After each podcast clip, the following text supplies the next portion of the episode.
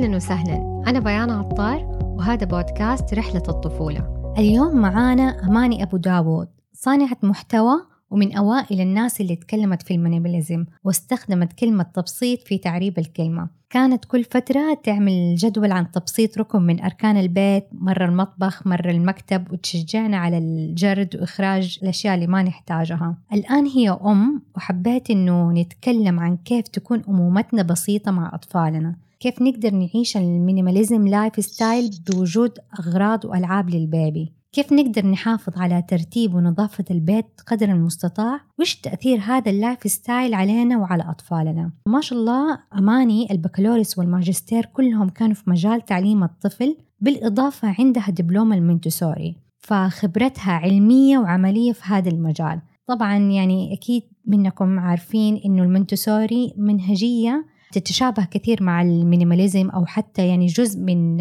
ال minimalism lifestyle حنتكلم اليوم عن التبسيط من عدة نواحي زي كيف نحن ممكن نبسط البيت كيف نبسط غرفة الألعاب كيف نبسط قوانين المنزل جدول الأنشطة الحفلات إلى آخره.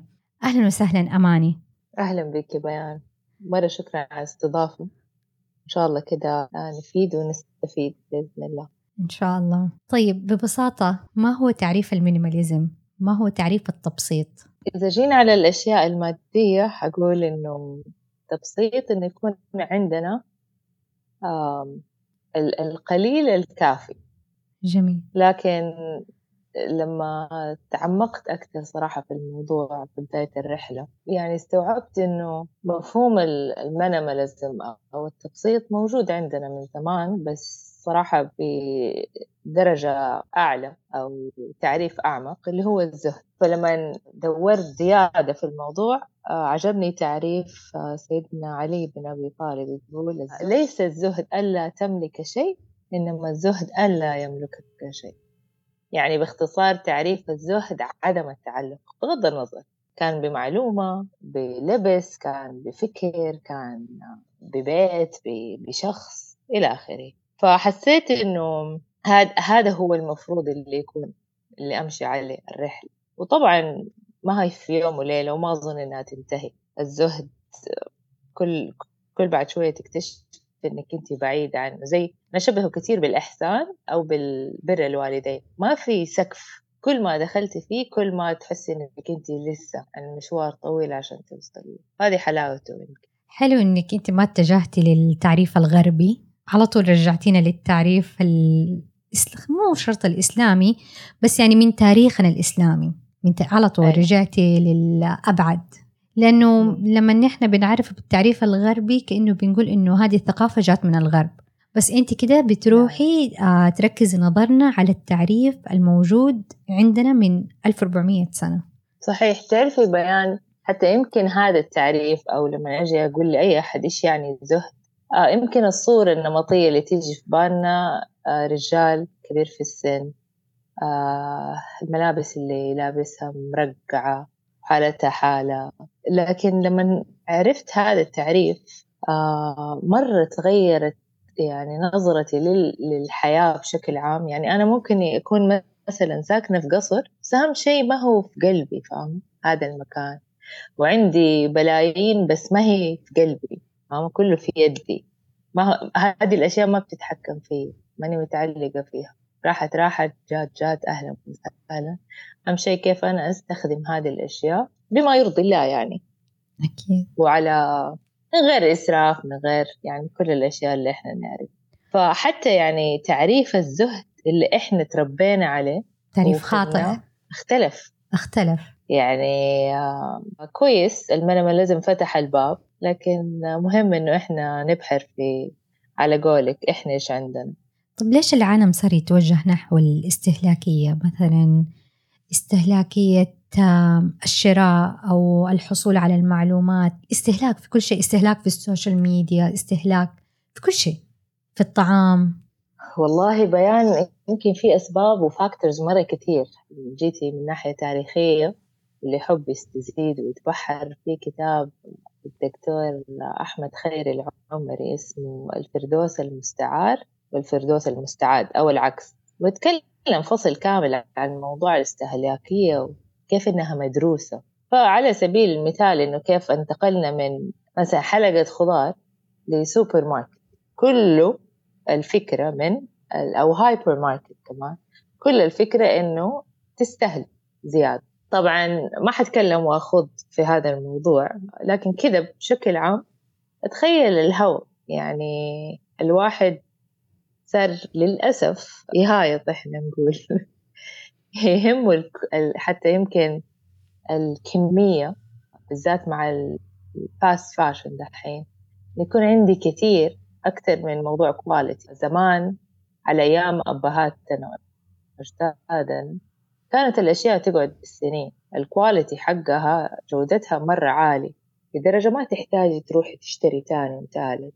بغض النظر كان جهاز إلكتروني زي ثلاجة ولا مسجل ولا ولا حتى الله يكرمك جزمة يعني. الحين لا كل الأشياء ما هي بهذيك الجودة. أرخص طبعا. فتلاقي يشجع على الاستهلاك يعني. وعادي تنخرب الجزمة أو تنقطع أو قدمت. موضتها راحت اشتري شيء جديد يعني. طب يمكن هذا الكلام يكون سهل نطبقه على نفسنا كأطفال نقدر نطبقه على نفسنا كأشخاص بالغين بس كيف مع الأطفال؟ آه إنه إيش ما نستهلك؟ أيوة. والله مرة صعب يعني أنا شوفي مع ولدي يعني ستيل ما دخلنا في هذا الموضوع بس دحين صار هذه السنة أول سنة صار واعي نوعا ما بموضوع العيد في عيدية في لعبة في أشتري. لما نروح مثلا محل ألعاب وهذا نادرا يعني دحين اللي هو أقول لك صار واعي يعني لهذه الأشياء. يقول لي أبغى أشتري مثلا خلاط طيب؟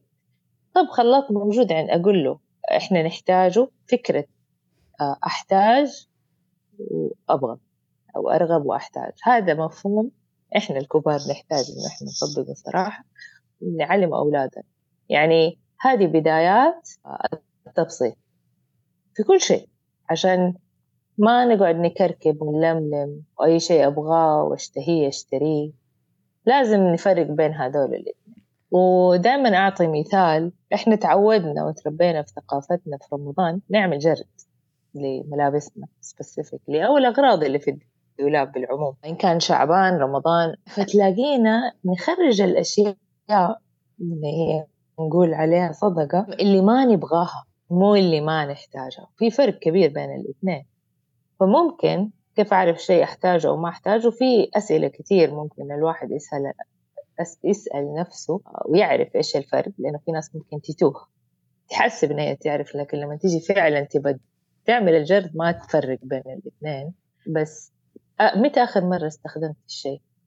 يا ترى الشيء اللي القطعة اللي اشتريتيها. أحيانا نشتري أشياء حتى بالتاج بالنمرة حقتها ومعلقة تقعد يعني على أمل مثلا أنحف ولا على أمل أتخن ولا على أمل تيجي مناسبة تقعد في الدولاب. فإذا في شيء مثلا مر عليه أكثر من سنة وما استخدمته أعرف إنه هذا الشيء ما أحتاجه فخلاص آه، أخرج. وإن كان هو الأفضل إنه يكون جديد يعني. مو اللي منمش ولا مقطوع من هنا ولا صار مو عاجبني ولا موضته راحت ولا ولا. طبعا ما يمنع بس يعني نفكر دائما في الأشياء اللي ما نحتاجها مو بس اللي ما نبغاها. طب خلينا نبدأ الآن مع رحلة الطفل. أنا شخصيا اللي بلاحظه إنه يبدأ التكديس في البيت من مرحلة اللي هو ال baby registry أو ال baby shower لما نحن نبدأ نبى نشتري لطفلنا كل حاجة نبى سرير ونبى الكريب الصغير ونبى المخدة حقت الرضاعة اللي تنفع للصالة مخدة الرضاعة اللي تنفع أنا أرضع بيه فوق السرير وأشكال مختلفة لغطى الرضاعة وأشكال مختلفة للرضاعات والمصاصات وفرش تنظيف الرضاعات وكل مين بيقترح علي اقتراح؟ فالأسهل إنه أنا أشتري الاقتراحين. في ناس بيقول لك إنه لا والله مثلا الرضاعات اللي من هذه الشركة أحسن. في ناس يقول لك لا الشركة الثانية أحسن فخلاص أنا أشتري من هنا ومن هنا وأجرب بنفسي أحسن. يعني ما هي مرة رخيصة وما هي مرة غالية وخصوصا إنه الناس كمان بتجيب لي هي هدايا. غير الألعاب اللي بتجيني أو أنا بختارها. من هنا أنا أشوف من البداية بتبدأ رحلة التكديس للطفل في البيت وبعد سنة تلاقي بعض الأمهات حتى كثير من الأمهات يطلعوا في اليوتيوب الأجنبيات. أشياء اشتريتها وندمت عليها أو حتى بعض الأمهات في الإنستغرام. عشر أشياء لا تشتريها ما راح تحتاجيها. صح. ف إيش تعليقك عن الموضوع؟ كيف أنا أبدأ؟ كيف أنا أبدأ مع طفلي من البداية رحلة آه بسيطة. ما أعرف إذا تحبي حتى نتطرق قبل يعني صح هذه يمكن المرحلة كنت بقول لك آه، وقت الولادة واستقبال الضيوف كذا أنا حقول لك من أنا تجربتي مش بالضرورة إنه هي الأفضل أو هي الصح. يعني كل مين يشوف إيش هو اللي أنسب له. آه، أنا من النوع اللي ما أحب أو ما أفضل يجيني شيء وما أحتاجه. فأول شيء عملت لستة. للأشياء اللي أحتاجها عشان أعطيها للناس اللي مرة قريبين مقربين لي إن كانوا صحبات ولا من العيلة. وهم أظن عارفيني. كثير بيقولوا لي أنت إيش تحتاج؟ ما يبان شيء تجيب شيء ويجلس أو عندك مكرر أو أو. فعملت لستة بكل الأغراض اللي فعلا أحتاجها. وصراحة يعني كنت أفكر بيان. طبعا بعد ما سألت كم أم أفكر مو بتفكير الأم اللي اللي هذا أول طفل لها. صح. يعني كأني عندي كذا طفل وخلاص كأني يعني شلت موضوع يا ناس مرة كيوت أبغى دا لا كله شلت. فعلا أنا إيش أحتاج؟ في النهاية إلا ما يعني إلا ما تطلع لك أشياء أنت ما تحتاجيها. واللي يحدد هذا الشيء هذا من خبرتي البسيطة مع ولدي آه الطفل. يعني أنا ممكن أختار نوع من الرضاعات لسي بما يتناسب مع مبادئي أو فكري يعني مثلا تكون قزاز النبل حقها شكلها كذا مصنوعة من السيليكون من البلاستيك بس ما يرفضها تمام. فأنا لاحظت إنه نجتهد ولازم نجتهد, نجتهد أنا كأم لكن في النهاية الطفل هو اللي يحدد الغرض هذا يحتاجه ولا لا الطفل ترى بيبي يعني من هو صغير مفيد له ولا لا. طبعا ما يعني غير أشياء الأم نفسها بتكلم على أشياء الطفل وهي أغلبها دي إيش كمان نقطة إنه أنا هذا الشيء حطيت في بالي إنه أنا كأني مو أم لأول مرة إنه عندي مجموعة أطفال وعلى دراية إيش أحتاج. فيوتيوب مرة ساعدني كل الفيديوهات اللي قلتي عليها إيش أحتاج وإيش ما أحتاج. غير الأمهات اللي حولي. كمان في شيء نقطة يعني حطيتها في بالي إني أستخدم شيء أو أشتري شيء أو تجيني هدية أحاول أستخدمها بعدة طرق. يعني ما يكون لها مدة معينة منتهين الشيء اللي يقعد بس ثلاثة شهور regardless الملابس آه، بس ثلاثة شهور ويترمي أو ما يصير يصير يوزلس هذا في الغالب أنا ما أشتري.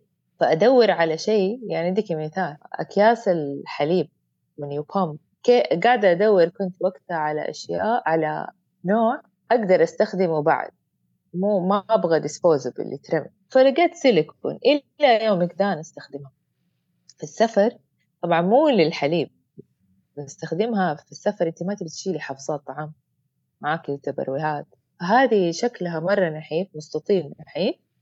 وسيليكون فمبطبطة كده تتطبق ومرة فادتني. في رحلات في سفر حتى في الفريزر فواكه زايدة قطعتها أحطها فهذه هي الفكرة إنه شيء كيف ممكن أعيد استخدامه ولو بطريقة مختلفة. أطول وقت ممكن يقعد معايا. أنا ماني أم لأول مرة فما المشاعر دي حقت الأم اللي تيجي في البداية وأي حاجة ويلا نشتري وناس يا ناس cute مرة ما كان عندي. حتى في ناس تقولي لي أماني كأنه هو أول baby لك يعني. فهذه الأشياء حطيتها في بالي. وغير ال list اللي قلت لك عليها الهدايا. آه، حرصت إني أحط أشياء. فعلا يعني كنت أتوقع إني أنا أحتاج وصدف اللي زبط معايا ما اشتريت ملابس كثير لولدي. كان baby اشتريت حق from zero to three. آه ال basics ما شاء الله الناس ما قصر يعني بالذات تعرفي الولد هداياه صعبة. فكتير جابوا ملابس فغطى يعني كثير من وما صار عندي ملابس كثير أنا اشتريت وهم اشتروا. جميل يعني نلخص الموضوع. يعني أنا بس آه. عشان لا أحد يفهمني غلط أنا ماني ضد ال- ال baby registry أو اللي هو جدول الهدايا. أنا أيده بشدة بس إنه نختار الأشياء اللي فيه بعناية. بعد بحث مطول ما يكون كده عيننا زايغة نبغى كل شيء. لا فعلا نحط الأشياء اللي نحن نحتاجها. وهذه الثقافة بدأت تنتشر عندنا. أشوفها مرة ممتازة. وهذا يريح على فكرة الناس. صح يريح كل الأطراف. يعني ناس تتوه. يمكن البنت سهلة لكن الولد آه، شوية صعب يعني في الهدايا. فلما أنت خلاص عارفة إيش تبغي وإيش تحتاجي مرة يريحهم. طيب نروح للي بعده. الولادة حفلات الاستقبال عموما الحفلات. الحفلات والمناسبات العزايم. هذا شيء يعني ما كنت أقصده بس it happened لما دخلت آه، رحلة التبسيط. قبل قبل الحمل والولادة وكله سبحان الله زمان قبل التبسيط آه، كان لما في عزومة سواء أنا يعني غالبا أنا مرتباها. إن كان عزومة إن كان آه، حتى دورة يعني بقدمها ورشة عمل. كان مخي بمجرد ما تجي الفكرة يا بيان ما يهدى حتى أحيانا ما أنام. يعني طول الوقت بس أفكر أفكر وحسوي وحعمل التفاصيل فاهم إلى يوم المناسب ما أعرف إيش صار. صراحة بعد تبسيط صرت يعني أوكي جات الفكرة أو إنه أنا أبغى أعمل المناسبة الفلانية. يعني خلاص أحط الأشياء اللي حتى في مخي يعني مو شرط أكتب. آه المكان من هم الأشخاص إيش الضيافة إيش أنا حقدم انتهينا ويتشال من بالي تماما. يعني ما في التوتر القلق كله هذا راح. فلما تجي على مرحلة الحمل ولادة استقبال آه نفس الشيء. يعني حرصت صراحة ودائما يعني أفكر في الموضوع إني أنا ما أوزع هدايا في الاستقبال مثلا. آه حتى مثلا في فرحي ما وزعت الناس في الملكة في الفرح توزع في الولادة. وبس لأني ما لقيت لها معنى. يعني ليش أنا أوزع؟ يعني إيش الفكرة؟ What's behind it يعني أنا اللي تعبانة مثلا أنا اللي ولدت. تحسي الهدية تجيني يعني. مو يعني إني أنا أبغى هدايا وما بعطي للناس بس الفكرة إنه ليش؟ إيش المغزى منها؟ هذا واحد. ثاني شيء أنا شخصيا لما أروح أحضر أو أزور واحدة والدة في كثير من الأحيان ما تناسبني الهدية. يعني أحس إنه أنا طبعا حاخدها بكل حب بس بعدين شو أسوي فيها؟ تجمع عندك مجموعة أغراض ما ما أستخدمها فصرت أسوي شوية حركات إني أنا في النهاية أخرج من غيرها. بس هي ما تعرف يعني غالبا كأني نسياها. أعمل إني كأني نسيت الهدية.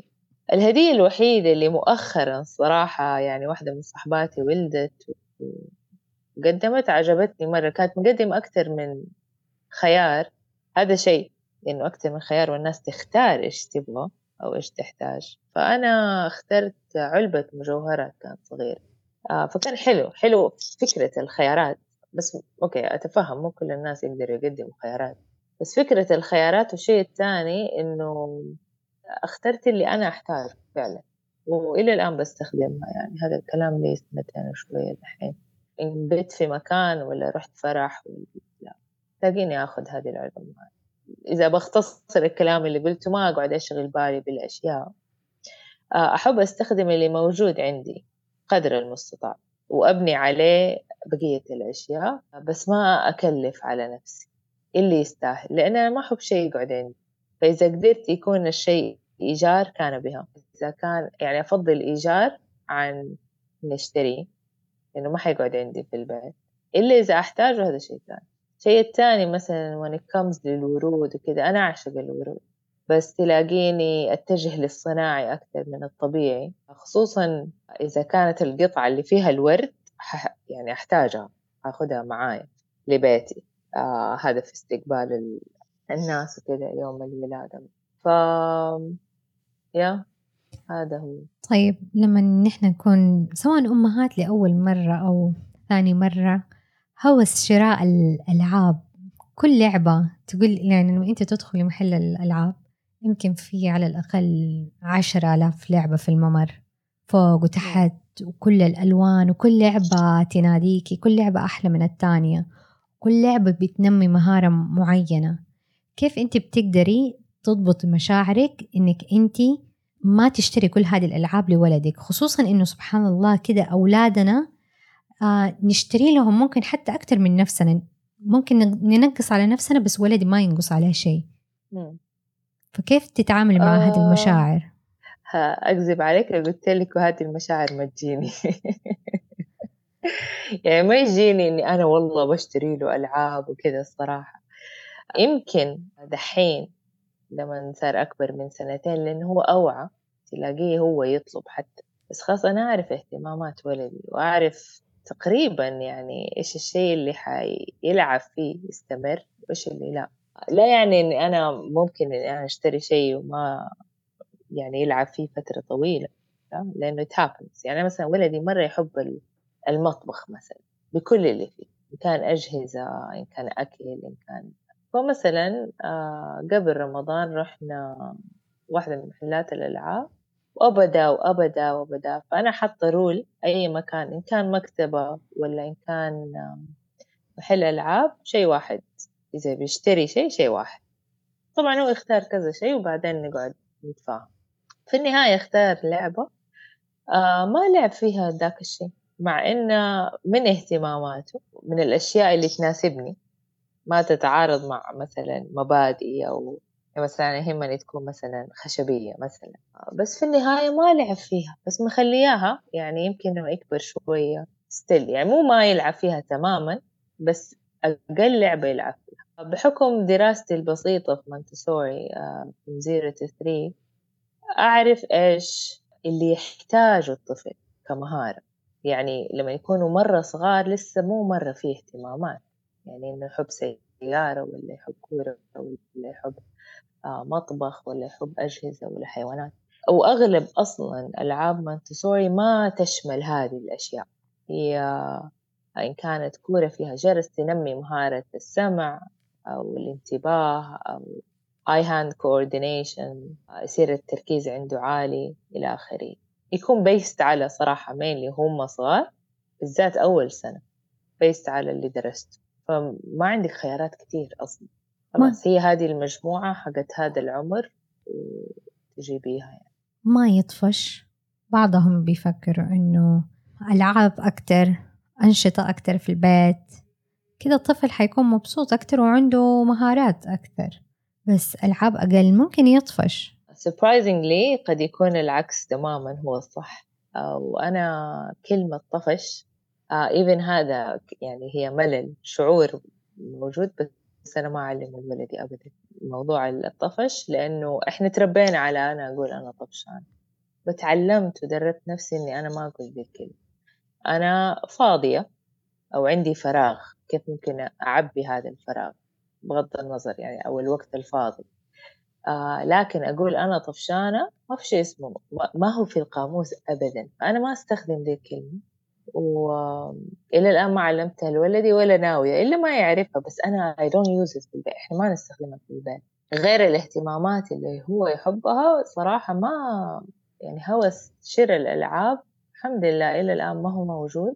آه عندنا هوس ثاني اللي هو الكتب. زي وأنا عندي هدف الصراحة إنه يستمتع لو كنت لو أقدر أحقق هذا الهدف يا بيان أنا أقول يعني فزت إنه استمتاعه بالقصة أو الكتاب على الأقل يوازي استمتاعه باللعبة إذا مو أكثر. هذه الألعاب حقتنا أكثر شيء القصة والكتاب القصص والكتب. هذه اللي I invest فيها. ما عندي مشكلة بكم سعره يمكن المشاعر اللي سألتيني عنها على الكتب على الألعاب تجيني في الكتب. دوبي ترى وأنا بتكلم معاكي بستوعب لأنه يعني غير أهمية القراءة والكلام اللي قلتيه في البودكاست وفي حسابك وكده واللي كلنا يمكن بنتعلمه لسه أنا كأم قاعدة أعيد طفولتي مع ولدي بالكتب يعني أحس إنه إحنا في أيامنا كأنه انحرمنا. يمكن كلمة نيجاتيف بس ما كانت في هذا الكم من الكتب وهذه الجودة. بتكلم مع يعني حتى كتب وقصص عربي. فلما أنا أشوف أنا انبسط. يعني حتى لو الكتاب لي أنا مبسوطة. فما بالك هو حق حق سن حق مفاهيم جديدة. أقول يا ريت والله إحنا نتعلم. يعني أمس أول أمس رحنا مكتبة جديدة. ودوبي قاعدة أقرأ كل الكتب وأصنفها وكذا. كتاب مرة حلو عن أسماء الله الحسنى كل واحد أحلى من الثاني هي سلسلة. شكرا يا الله بيتكلم عن اسم الله الودود. مرة الرسومات حلوة الكلام حلو. آه يشهي يشهي إنك أنت ما تكفلي. يشهي إنك أنت ما تبي تخلصيه ولا وتبي تشوفي كمان إيش الصفحة الثانية واللي بعدها. هذه نقطة. النقطة الثانية أنا ما أعرف إذا حغير رأيي إذا ححتاج بعدين. ضد فكرة إنه يكون في غرفة ألعاب. لأنه حتصير مخزن ما حتصير غرفة. يعني ما حتصير غرفة ألعاب. أنا مع إني أنا في يكون في دولاب أو رف أو آه، أدراج مو أدراج يعني كورنر خلينا نقول ألعاب غرفته أو ضمن الصالة. بس مو غرفة كاملة هذه آه، تعلمتيه من المنتسوري؟ جزء منها طبعا مونتسوري لأنه مونتسوري أيوة دولاب الألعاب جزء من الغرفة. بس هم طبعا لما يكبروا تصير حتى يمكن كثير من الألعاب أكبر بالذات إذا عندك أكثر من طفل إيش تبي تسوي يعني. ف كانت أنا دولاب الألعاب غير المساحات طبعا على حسب كمان الغرفة تسع ولا لا. فأنا دحين فكرة إني أنا بأجلس في الصالة وهو بآكل ولا بتفرج ولا أي شيء وهو قاعد يلعب قدامي. ما يحس إنه هو مثلا لوحده. نفس الوقت أنا معاه إذا أحتاج مساعدة أنا معاه آه هو مستمتع وأنا مستمتعة هذا اللي بالضبط صار معانا في بيتنا هنا في تجربتنا. كان عندنا غرفة ألعاب آه وكان يرفض إنه يلعب لوحده لكن استبدلناه بركن ألعاب في الصالة. ركن آه في دولاب لرفوف الكتب تكون كذا الكتب أمامية يختار منها بس رفين قليلة يعني ما يكون قدامه مثلا عشرين خيار إنما يكون قدامه عشر خيارات. بعد كده برضو مجموعة خيارات من الألعاب وفي اللي هو ركن المطبخ والأدراج. وأنا بسوي توي روتيشن بين فترة وفترة إني أنا أسوي تدوير للألعاب أغير الكتب كل فترة أو كل أسبوع أغير السيارات الموجودة الألعاب الموجودة في الرفوف. فكده بنبسط وأنا بنبسط. بس زي ما قلتي فعلا حلو فكرة كمان موضوع الروتيشن مرة مهم قلتي نقطة أساسية في موضوع الألعاب. فزي بالذات هم صغار كل شيء يعني كل ثلاثة شهور تحتاج مثلا تغيري الملابس على حسب المقاسات. فمعاها الألعاب فموضوع ال rotation يعني كنت لما أرتب دولابه معاه دولاب الألعاب. كده أصلا كأنك جبتي أشياء جديدة ممكن تكون لا ما هي جديدة. أنا اللي عاملاه في في الدولاب حق الألعاب آه، عاملة two boxes اللي هو شبه تخزين. إن كانت ألعاب قديمة أو ألعاب ما ناسبته في فترة من فترات حياته. فتلاقيني أخبيها يعني مو مرة يشوفها. حتى لو في لعبة مرة يحبها يعني بس صار الاستخدام فيها مرة عالي فتلاقيني أشيل وأحط شيء بديل. وبعدين أرجع له هي. بعد فترة. وفي شيء يعني أنا وبنت خالتي هي كمان تصير أم ولدي بالرضاعة أولادنا عشانهم قد بعض نتبادل. بالضبط هذا كنت بقول أحيانا نتفق يعني إن كان كتب ولا إن كان ألعاب فهو يعتقد إنه هي جاته ألعاب جديدة من أخوه. بس هي فعلا ما هي ألعاب جديدة وخلاص لما يشبع منها أرجعها. فروتيشن على مرحلتين أو طريقتين. يا أنا في البيت مع نفسي يا أنا وأمه بالرضاعة يعني نتبادل فهذا في الكتب والألعاب. طب إيش فايدة هذا الكلام كله؟ نحن بنتكلم عن إنه نحن نقلل من عدد الألعاب نقلل من عدد الأغراض نقلل من عدد الملابس. إيش أهمية الفراغ والمساحات في المنزل المساحات الفارغة؟ إيش تأثير هذا الشيء اللي هو التفكير ال minimalism والتبسيط على حياة الطفل على المدى الطويل؟ يعني أنا حجتهد في ال part الأخير من السؤال آه لأنه ما أعرف إيش أهميته ما قرأت عن الموضوع لسه أنا خلال التجربة. بس إحنا خلينا نقول علينا إحنا آه، يمكن ما نحس غير لو خففنا. يعني أبسطها مثلا دولاب الملابس. ما أحس وقتها إنه مثلا أنا مشتتة ولا أنا كأنه شيء على ظهري ولا ماني مركزة ولا ولا. إلا لما أبدأ أستغنى عن الأشياء اللي ما أحتاجها يا الله على كمية الراحة. هو يمكن بدايتها شيء نفسي بعدين تبدأ تشوفي هذه الأشياء في حياتك يعني.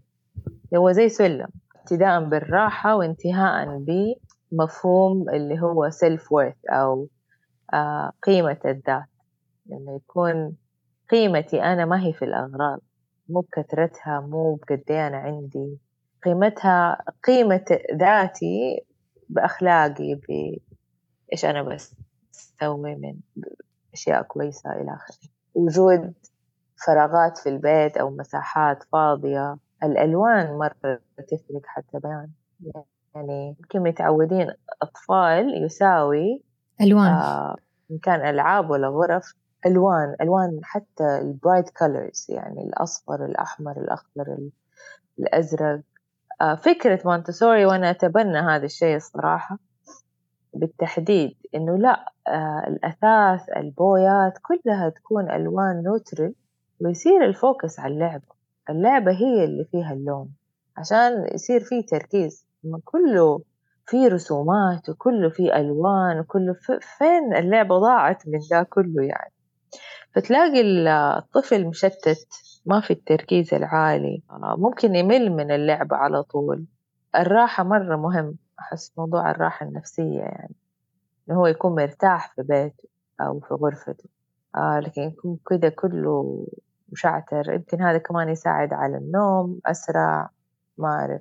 بس absolutely لما تكون الغرفة هادية إن كان ألوانها قلة الأشياء اللي موجودة فيها أنت تكوني أروق أهدى وأكيد يأثر على البرفورمانس حقك على نشاطك على على صح أنا بس لما أكتب في جوجل آه، غرف أطفال ديكورات غرف أطفال كمية الزحمة اللي أشوفها أنا أحزن على دماغ الطفل لأنه الجدران ملونة وفيها حروف وحيوانات.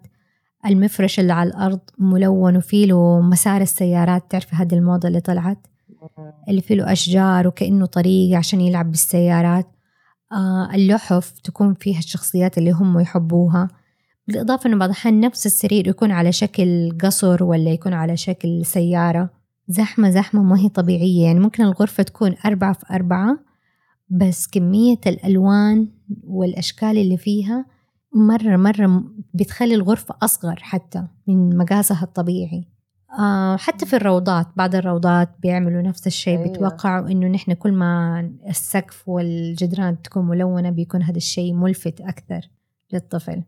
مع إيش الطفل ما يهمه هذه الأشياء أتقول يعني سبحان الله يعني الطفل إحنا اللي يهمنا زي الملابس. من نخت... هو ما يهمه اللبس إيش يكون ولا إيش. إحنا اللي يهمنا. بعدين هل يصير مسألة تعود؟ يبغى كل شيء ملون ما أعرف. بس آه، الطفل ما ما يختار هذا الشيء. ما يختار كذا الضجة دي والألوان دي أحس إنه ممكن تلفتوا في البداية أول خمسة دقايق. يعني شوفي مثلا لو أخذنا أطفال أو أخذنا طفل لمحل الألعاب وجبنا له لعبة خشبية ولا لعبة فيها صور سيارات وصور الحيوانات المفضلة والشخصيات المفضلة ممكن إنه هو يختار اللعبة الملونة أكثر. بس أنا أفكر على المدى البعيد إيش اللعبة اللي حيقضي عليها؟ دقايق أطول. خلاص هو لو اختار الباص هذا الملون اللي يسوي صوت بيب بيب حيلعب بيها ممكن دقيقة حيرميها مع إنه هو في المحل اختارها أول.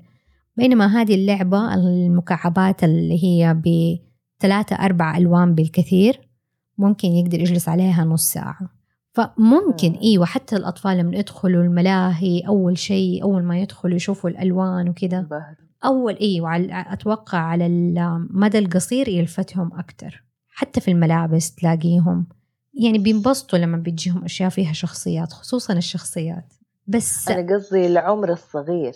آه العمر الصغير أيوه أبو ثلاثة يعني شهور أيوه إيوه يعني خلينا نقول أقل من سنة أقل هذه الأشياء أيوه. كلها ما يهم أبدا صح. يعني ولا وطبعا كل ما كان أصغر كل ما كان تحتاج أنت التركيز وترتاح تحتاج إنك تكون مرتاح تحتاج فمهم إنه الأشياء تكون كذا يعني قدر المستطاع نيوترل تكون ألوان طبيعية مواد طبيعية إلى آخره تمام آه جاء برضو مثال على بالي لما كنت بتقولي ما راح يحس بالشيء هذا إلا الشخص اللي جرب التخفيف.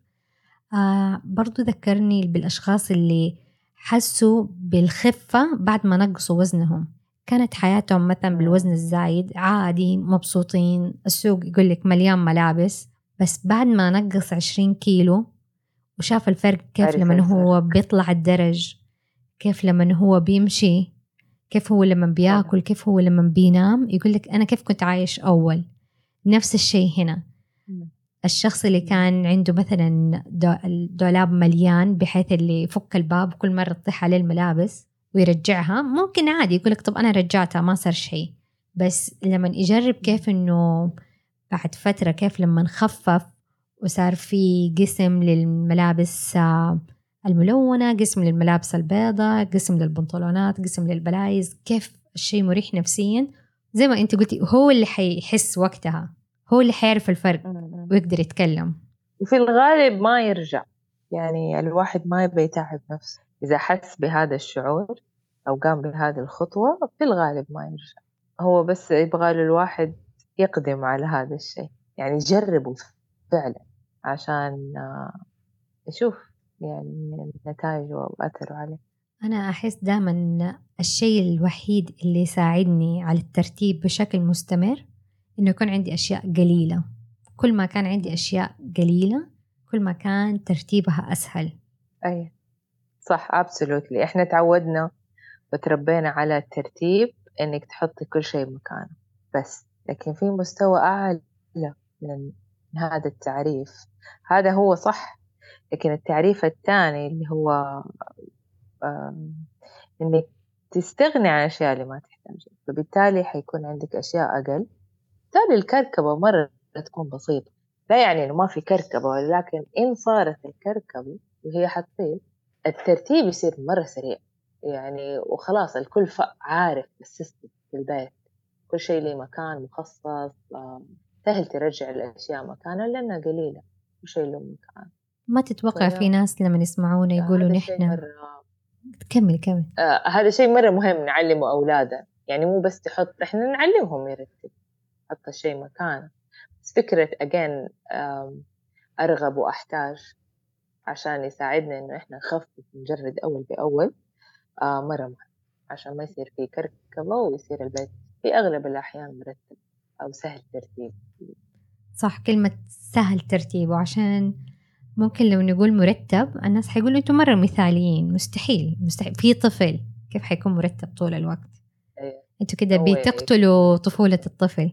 طيب. هذه من الأشياء اللي خلينا نقول آه، تجربة علمتني إنه عشان أحب الترتيب وأبغى كل شيء مرتب بس الطفل ما نو إنه يكون يعني ابتداء ب... لما هو يبدأ مثلا ياكل بنفسه اللغبصة والبقع في كل مكان. انت على أعصابك. يعني أنا قاعد أدرب نفسي على إني ما أسوي ردة فعل ما لها داعي.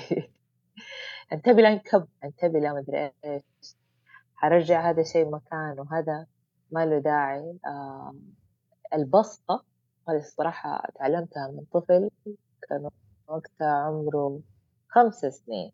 البسط إني أنا أنبسط وأكون عايشة اللحظة. وات ايفر أنا أسويه كان ألوان ولا أكل ولا لعب ولا أهم من تقولي له لا توسخ أو وسخ أو كركبت.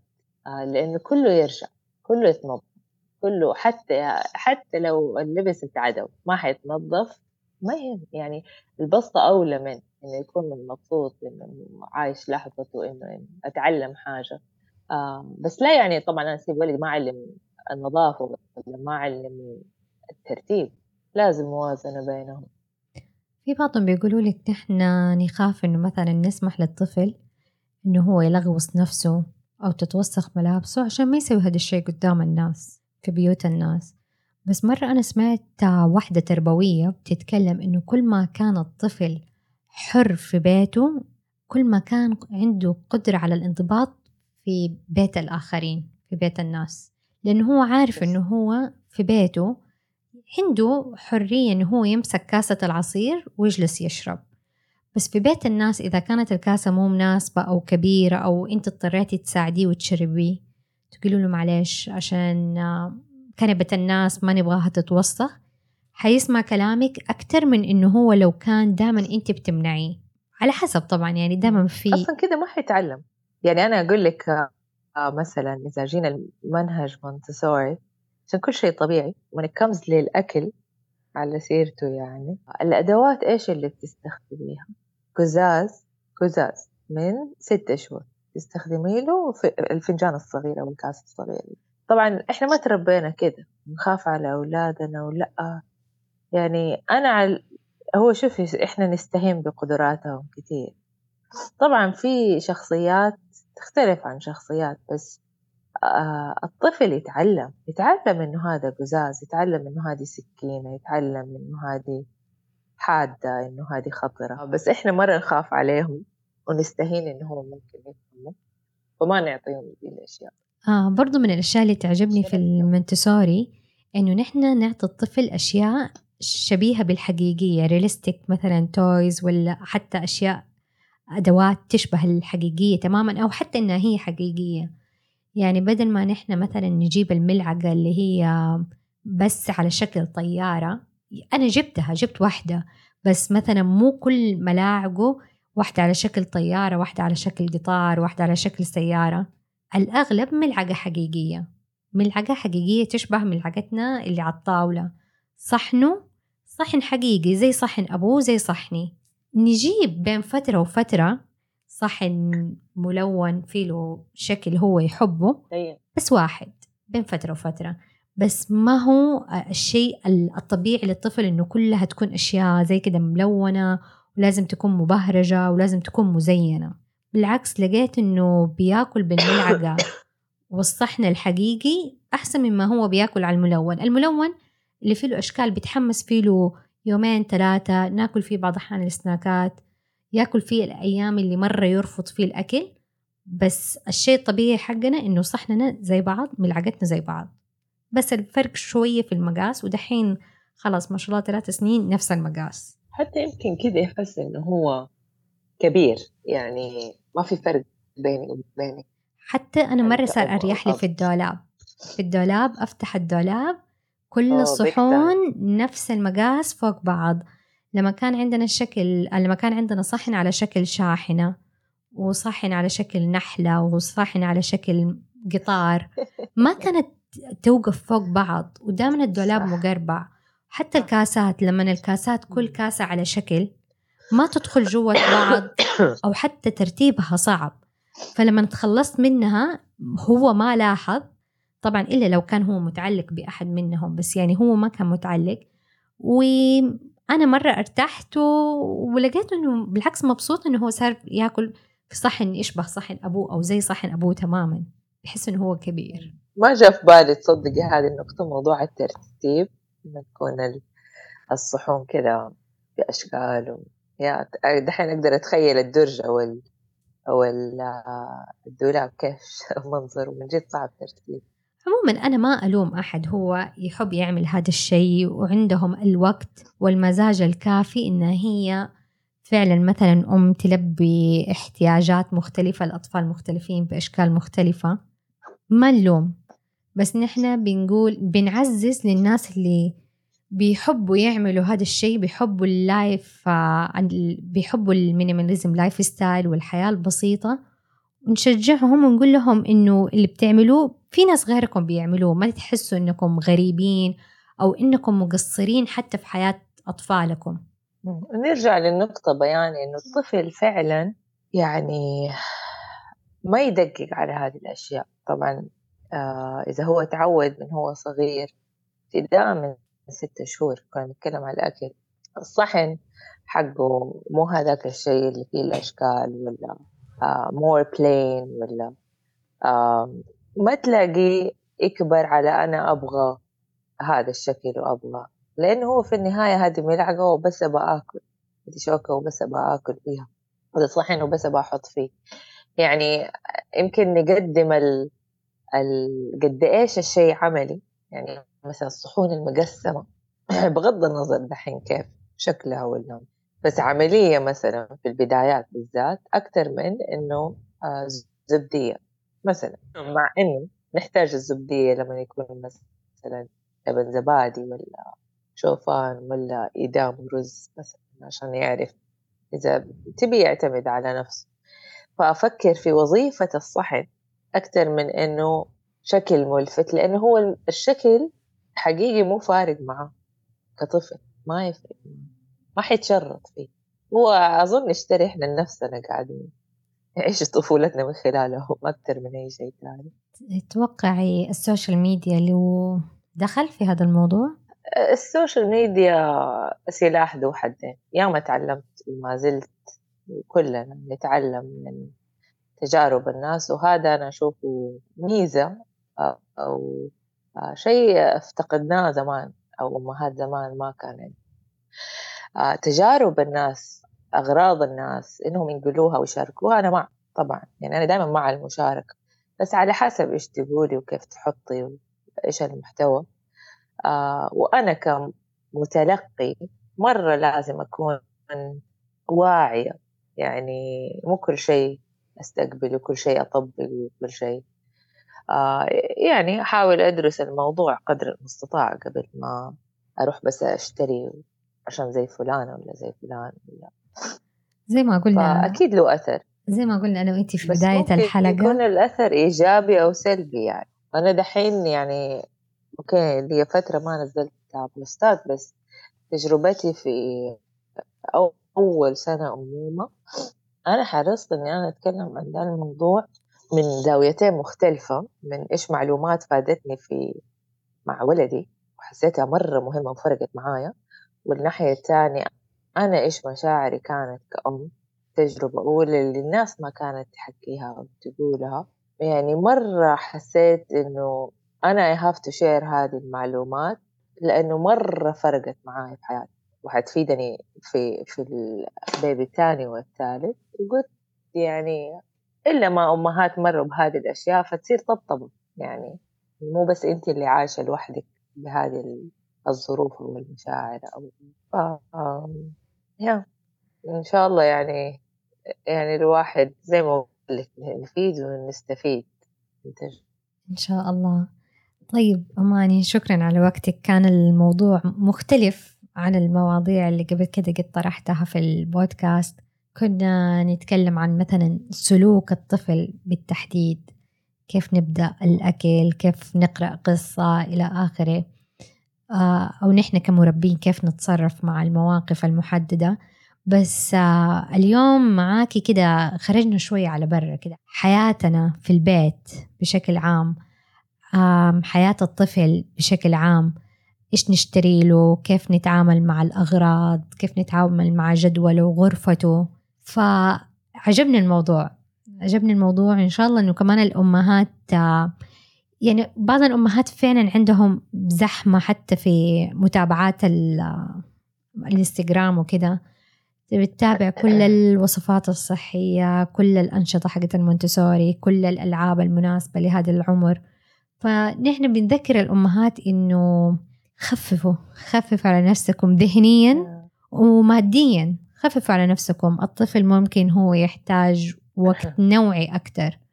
ممكن وجودك وانت بتضحكي معاه وقت الوجبة آه بتتناقشي معاه في موضوع لطيف.